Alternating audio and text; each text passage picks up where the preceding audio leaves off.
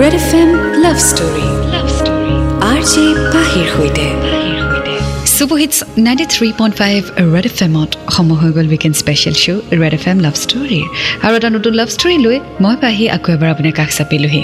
আজিও এখন চিঠি হাতত লৈছোঁ। এই চিঠিখন আহিছে শিৱসাগৰৰ পৰা পঠিয়াইছে প্ৰহ্লাদ দাসে। চাহক আজি শুনো প্ৰহ্লাদৰ লাভ ষ্টৰী হাই মৰমৰ পাহি বা মৰম লবা। মই ভাবোঁ আপোনাৰ ভাল। মোৰ নাম প্ৰহ্লাদ দাস ঘৰ শিৱসাগৰত। দুহেজাৰ ঊনৈছ চনৰ অক্টোবৰ মাহটোত এটা দুটাকৈ আপোনাৰ লাভ ষ্টৰীবোৰ শুনি শুনি আপোনাৰ মাত আৰু লাভ ষ্টৰী প্ৰেমত বেছিকৈ পৰি গৈছোঁ আৰু আপোনাৰ লাভ ষ্টৰী নুশুনাকৈ থাকিব নোৱাৰা হ'লোঁ। আপুনি হাজাৰখন চিঠি পঢ়াৰ দৰে মোৰ চিঠিখন পঢ়ি আপুনি ভাবিব পাৰে ময়ো আপোনাৰ এজন নিয়মীয়া দৰ্শক। কিন্তু আপুনি মোৰ কাৰণে এগৰাকী স্পেচিয়েল বা হৈ পৰিছে।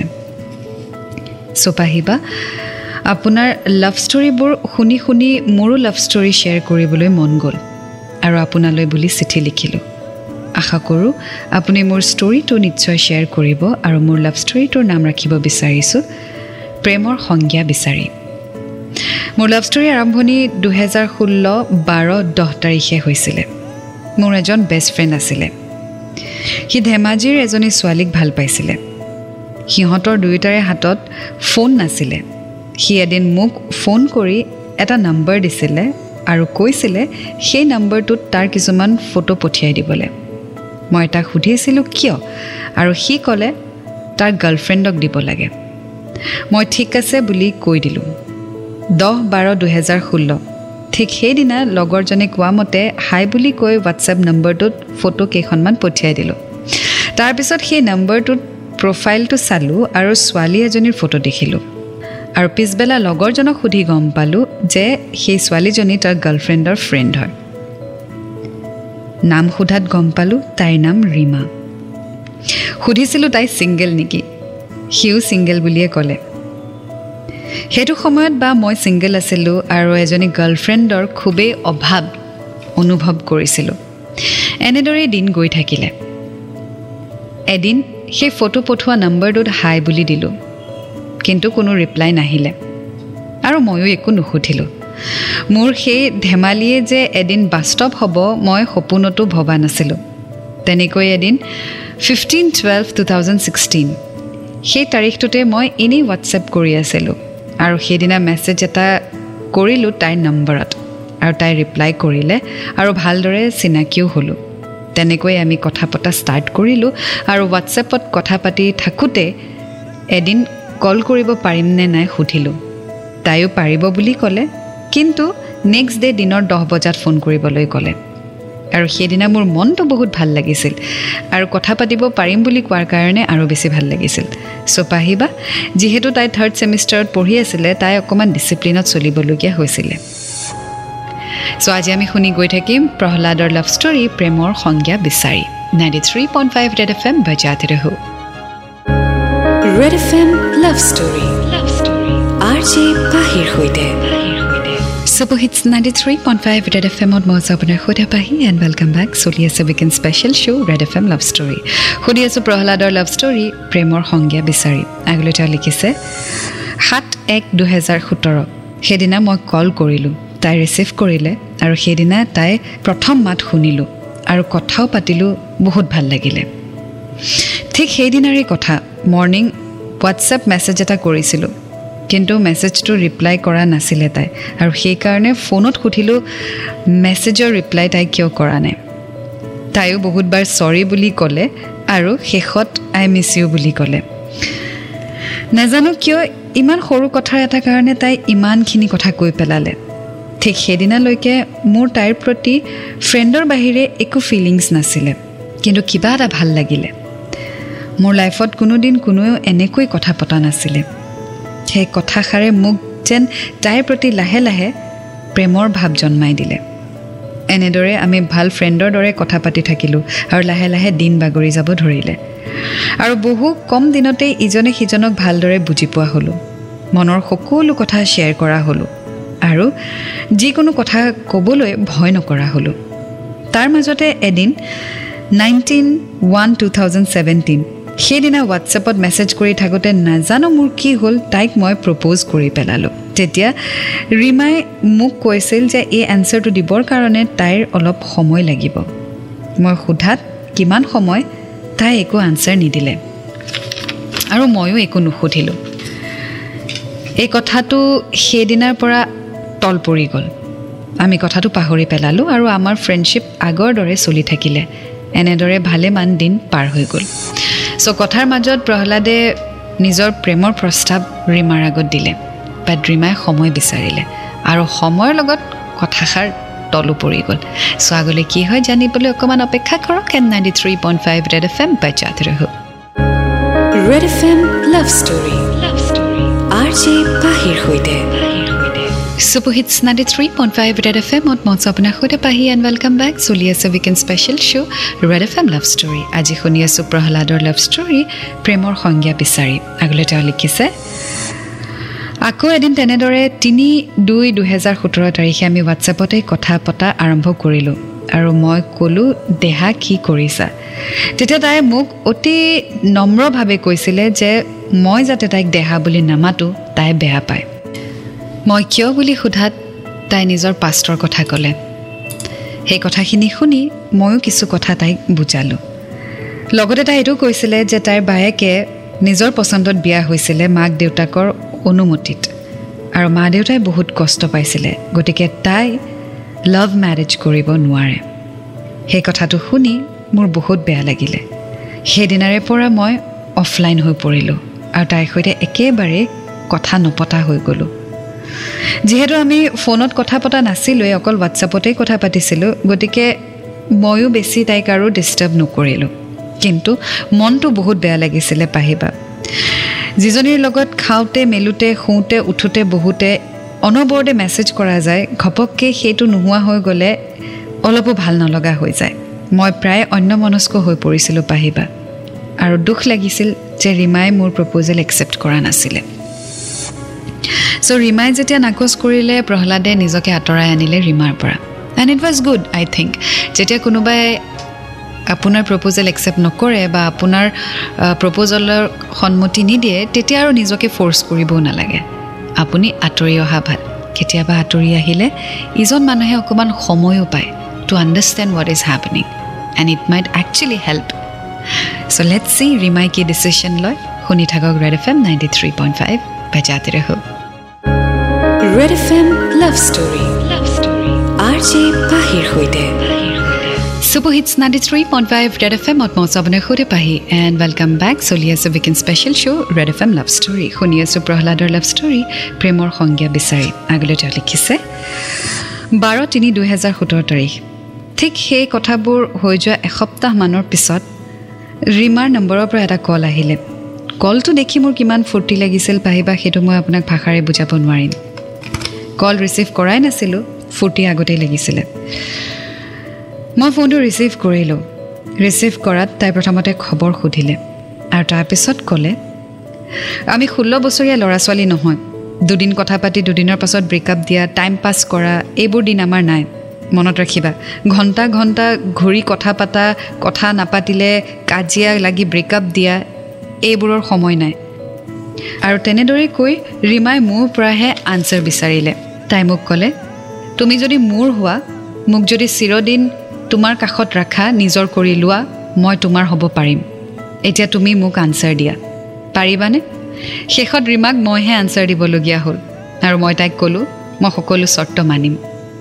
I really really love you and I love you so' much এনেকৈ ভগৱানৰ কৃপাত আমাৰ মৰম ভালপোৱা আৰু প্ৰেম ভালদৰে চলি গৈছিল। পাহিবা মানুহে কয় নহয় প্ৰেম স্বৰ্গীয় বুলি ঠিক তেনেকৈয়ে আমাৰ মাজলৈ প্ৰেম ভালপোৱা মৰম চেনেহ আৰু ইজনে সিজনক বুজি পালোঁ আৰু সকলো অনুভৱ আন্তৰিকতা যেন স্বৰ্গীয় ৰূপ পালে। এখিলা শুকান পাতৰ দৰে থকা মোৰ জীৱনটি যেন ৰীমাই আহি দিনে দিনে জীপাল কৰি তুলিলে। এখন ৰোমেণ্টিক চিনেমাৰ দৰে লাগিব ধৰিলে। মই তাইক ভালপোৱা কথা ৰীমাৰ ভনীয়েকে গম পালে আৰু মই তাইৰ লগতো কথা পাতিছিলোঁ। তাই মোক ভিনদেউ বুলি মাতিছিল আৰু এই ভিনদেউ মাতষাৰ শুনিলে মোৰ খুব বেছি ভাল লাগিছিল। আমাৰ ৰিলেশ্যনশ্বিপৰ কথা ৰীমাৰ মাকেও গম পাইছিলে কিন্তু আমাক একচেপ্ট কৰা নাছিলে। বাট তাৰ মাজতো আমাৰ ৰিলেশ্যন ঠিকেই চলি থাকিলে। চ' ৰীমাই নিজেই ফোন কৰিলে। প্ৰহ্লাদে নিজকে আঁতৰাই আনিছিলে প্ৰপ'জেলৰ পিছত। বাট ৰীমাই নিজেই প্ৰহ্লাদক ফোন কৰিলে আৰু একচেপ্ট কৰিলে তাৰ proposal so' this is what I am talking about taking time আপুনি চিয়'ৰ হ'ব লাগিব যে আপুনি তেওঁক বিচাৰিছে নে নাই। আপুনি তেওঁক মিছ কৰে নে নকৰে। তেওঁ নহ'লে আপোনাৰ লাইফটো ঠিকেই চলিব নে নচলে। বা কোনোবা বেলেগ আহিলে আপোনাৰ আকৌ মন বেলেগলৈ যাব নেকি? এইবিলাকৰ কাৰণে সময় ল'ব লাগে। এদিন লগ পাই দ্বিতীয় দিনা প্ৰপ'জ তৃতীয় দিনা একচেপ্ট কৰিলে নহ'ব। You have to take time ninety three point five red F M বজাতে ৰহো। Red F M love story love story R J পাহিৰ সৈতে। Super hits ninety three point five red F এমত মই আপোনাৰ সৈতে পাহি এণ্ড ৱেলকাম বেক চলি আছে weekend special show' red F M love story আজি শুনি আছোঁ প্ৰহ্লাদৰ লাভ ষ্টৰী প্ৰেমৰ সংজ্ঞা বিচাৰি আগলৈ তেওঁ লিখিছে আমাৰ ৰিলেশ্যনৰ মাজতে তাইক চাব ল'ৰাও আহিছিলে ল'ৰা চাকৰি কৰা আছিল বাবে মাক দেউতাকে পচন্দো কৰিছিলে এনেকুৱাও কেছ গৈছে ল'ৰাই তাইক চাবলৈ আহিছে তাই ৰুমৰ পৰাই ওলাই নাহিলে আৰু ইয়াৰ কাৰণে দেউতাকে তাইক খুব পিটিছিলেও তাই কান্দি কান্দি মোলৈ বহুত ফোন কৰিছিল তাইক বহুত বুজাবলগীয়া হৈছিলে। আমাৰ ভালপোৱাত ঘাট প্ৰতিঘাত থাকিবই কিন্তু আমি সহ্য কৰিব লাগিব। এইবোৰ কথা তাইক মই বুজাইছিলোঁ আৰু তাই বুজিছিলে। এনেকৈয়ে আমাৰ প্ৰেম ওৱান ইয়েৰ কমপ্লিট কৰিলে। সকলো ভালেই চলি আছিলে। নেক্সট টু থাউজেণ্ড এইটিন বাৰ ফেব্ৰুৱাৰী তাৰিখে। কিবা এটা কথাত তাইৰ লগত মোৰ কাজিয়া হৈছিলে। আমি প্ৰায় পোন্ধৰ দিনমান কথা নপতাকৈ আছিলোঁ। যিহেতু আমাৰ মামাৰ ঘৰৰ গাঁৱতে আছিলে মামাই এখন ভাওনা আগবঢ়ায়। সেই ভাওনা চাবলৈ মই গৈছিলোঁ। মোৰ মাহীৰ ঘৰৰ ফালৰ পৰা আলহী আহিছিলে আৰু তিনিজনী ছোৱালী আহিছিলে। তেওঁলোকৰ লগতেই আমি ভাওনা চাইছিলোঁ চিনাকিও হৈছিলোঁ। যিজন বন্ধুৰ বাবে মই হোৱাটছএপত ফটো পঠিয়াইছিলোঁ সেই বন্ধুজনেই কিন্তু মোৰ কথা বেয়াকৈ লগাই দিলে। সি কি ক'লে মই নাজানো।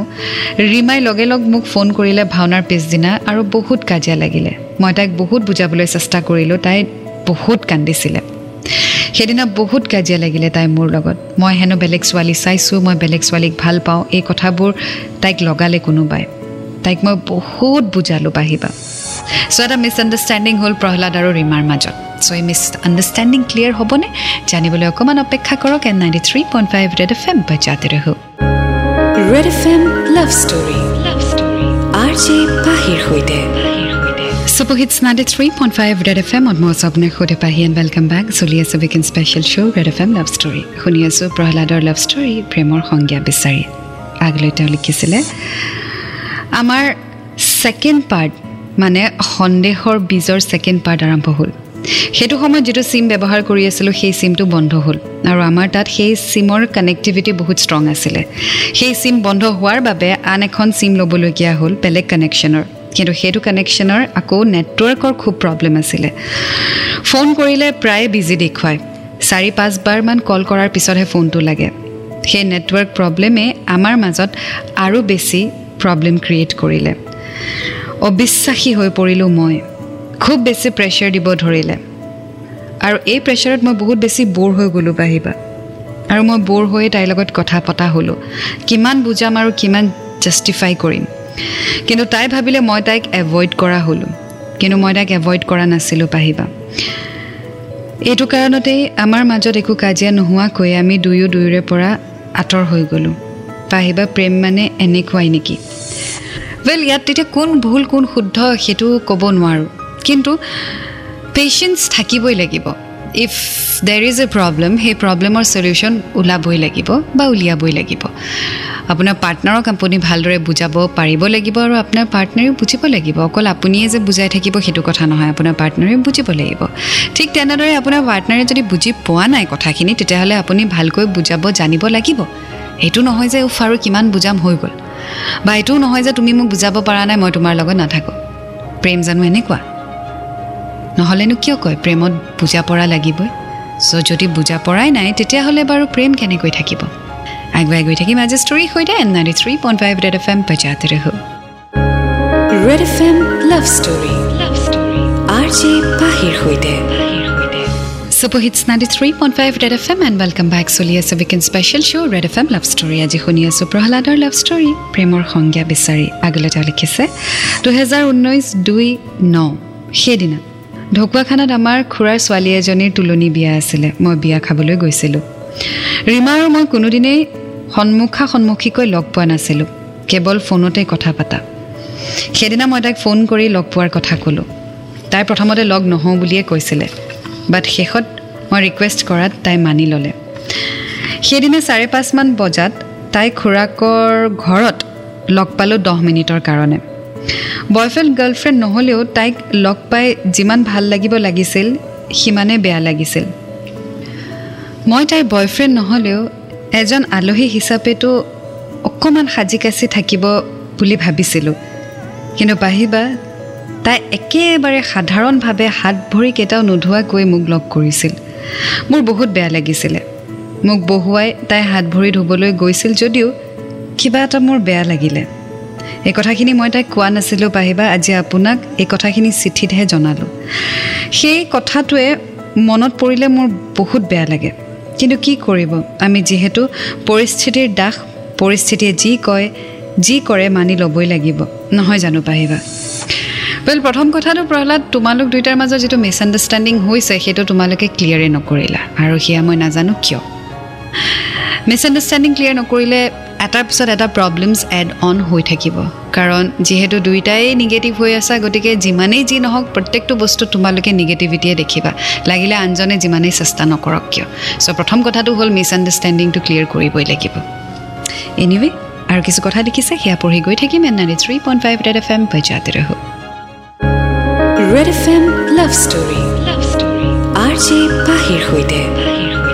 Super hits ninety three point five red F এমত মই আপোনাৰ সৈতে পাহি এণ্ড ৱেলকাম বেক চলি আছে weekend special show' red F M love story শুনি আছোঁ প্ৰহ্লাদ দাসৰ লাভ ষ্টৰী প্ৰেমৰ সংজ্ঞা বিচাৰি। আগলৈ তেওঁ লিখিছে পাহিবা এটা কথা মই বুজিয়ে নাপালোঁ প্ৰেম ভালপোৱা মানেনো কি?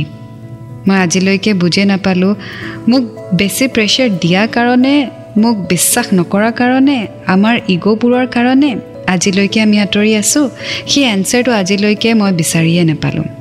কি নাজানো পাহিবা এবাৰ কাৰোবাক ভাল পালে হৃদয়খনে বন্ধ হৈ যায় নেকি? এতিয়ালৈকে মোলৈ বহুত প্ৰপ'জেল আহিলে কিন্তু মই প্ৰপ'জেল একচেপ্টে কৰিব পৰা নাই। যি একচেপ্ট কৰিলোঁ তাইক মই ভাল পাওঁ নে নাপাওঁ সেয়াও ধৰিব পৰা নাই কাৰণ মই ৰীমাক পাহৰিব পৰা নাই। এতিয়াও তাইৰ ফটো চাওঁ নতুন ফটো আপলোড কৰিলেই ছেভ কৰোঁ। বহুত মিছ কৰোঁ তাইক। মই এতিয়াও কিয় বেলেগৰ লগত কথা পাতিব নোৱাৰোঁ?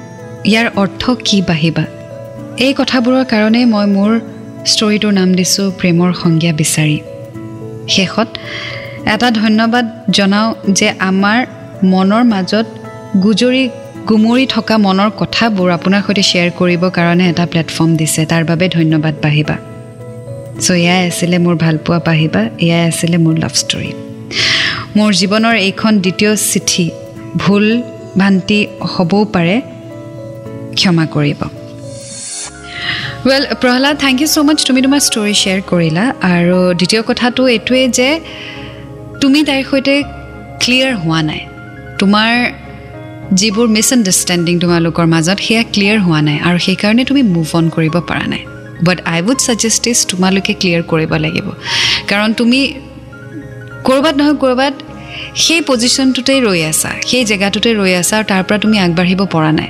কাৰণ না তোমালোকে বাই বাই কৈছা না তোমালোকে ব্ৰেকআপ কৰিছা না তোমালোকে ইজনে সিজনক ভাল নাপাওঁ বুলি কৈছা।